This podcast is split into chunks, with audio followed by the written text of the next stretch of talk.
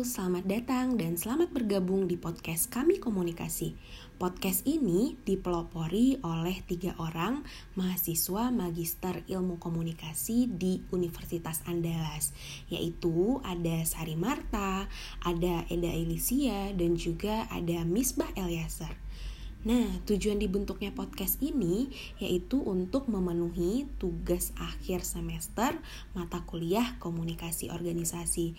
Di mana podcast di dalam podcast ini kita akan membicarakan yang berkaitan dengan komunikasi.